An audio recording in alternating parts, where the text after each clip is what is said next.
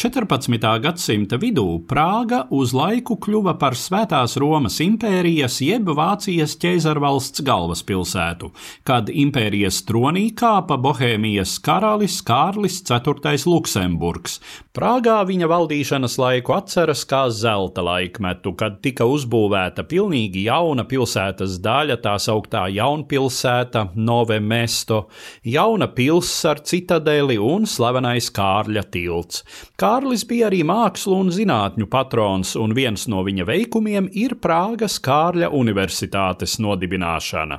Tā bija pirmā universitāte uz austrumiem no Reinas un uz ziemeļiem no Alpiem, kā visas viduslaiku universitātes, arī šī tapa ar svētā krēsla lēmumu. Savu bullu pāvests Kliments VI izdeva 1347. gada 26. janvārī, savukārt imperatora Kārļa 4. Privilēģiju universitāte saņēma 1348. gada 7. aprīlī.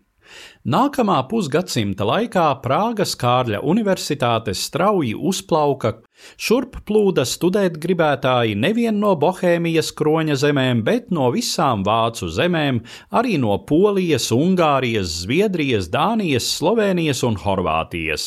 Tomēr šis zelta laikmets beidzās līdz ar 15. gadsimta sākumu, kad universitāti sašķēla cīņas starp Romas un Aviņonas pāvestu atzinējiem.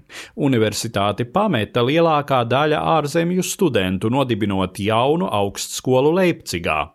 Prāgā nonāca angļu filozofa Džona Viklifa ķecerīgie darbi, un par viņa kaismīgu sekotāju kļuva jaunais universitātes rektors Jans Huss. Viņš, kā zināms, devis vārdu husītu kustībai, kura pārvērta Čehu zemes par pirmo protestantisma sālu tobrīd vēl katoliskās Eiropas pašā viducī.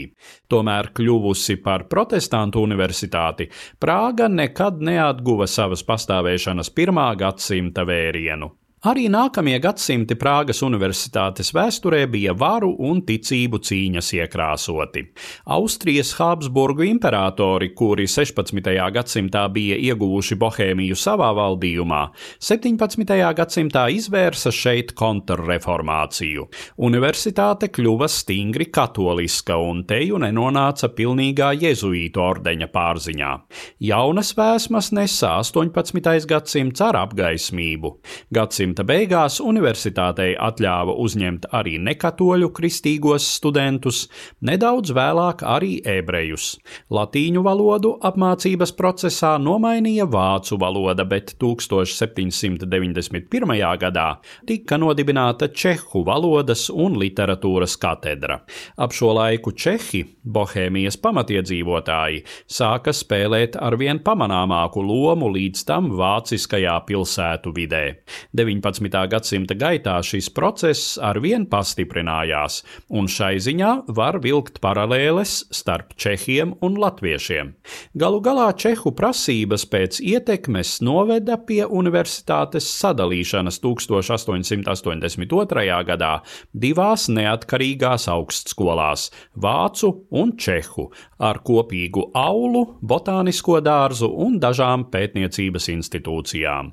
Par spožāko laiku Prāgas Kārļa Universitātes jaunākajā vēsturē uzskatāms Pirmā pasaules kara priekšvakars, kad Vācu universitātē pasniedza Ernsts Machs un Alberts Einsteins, studēja rakstnieks Francis Kafka, un vēlākie Nobela prēmijas laureāti bioķīmiķi Karls Ferdinands Korī un Gertrija Korī.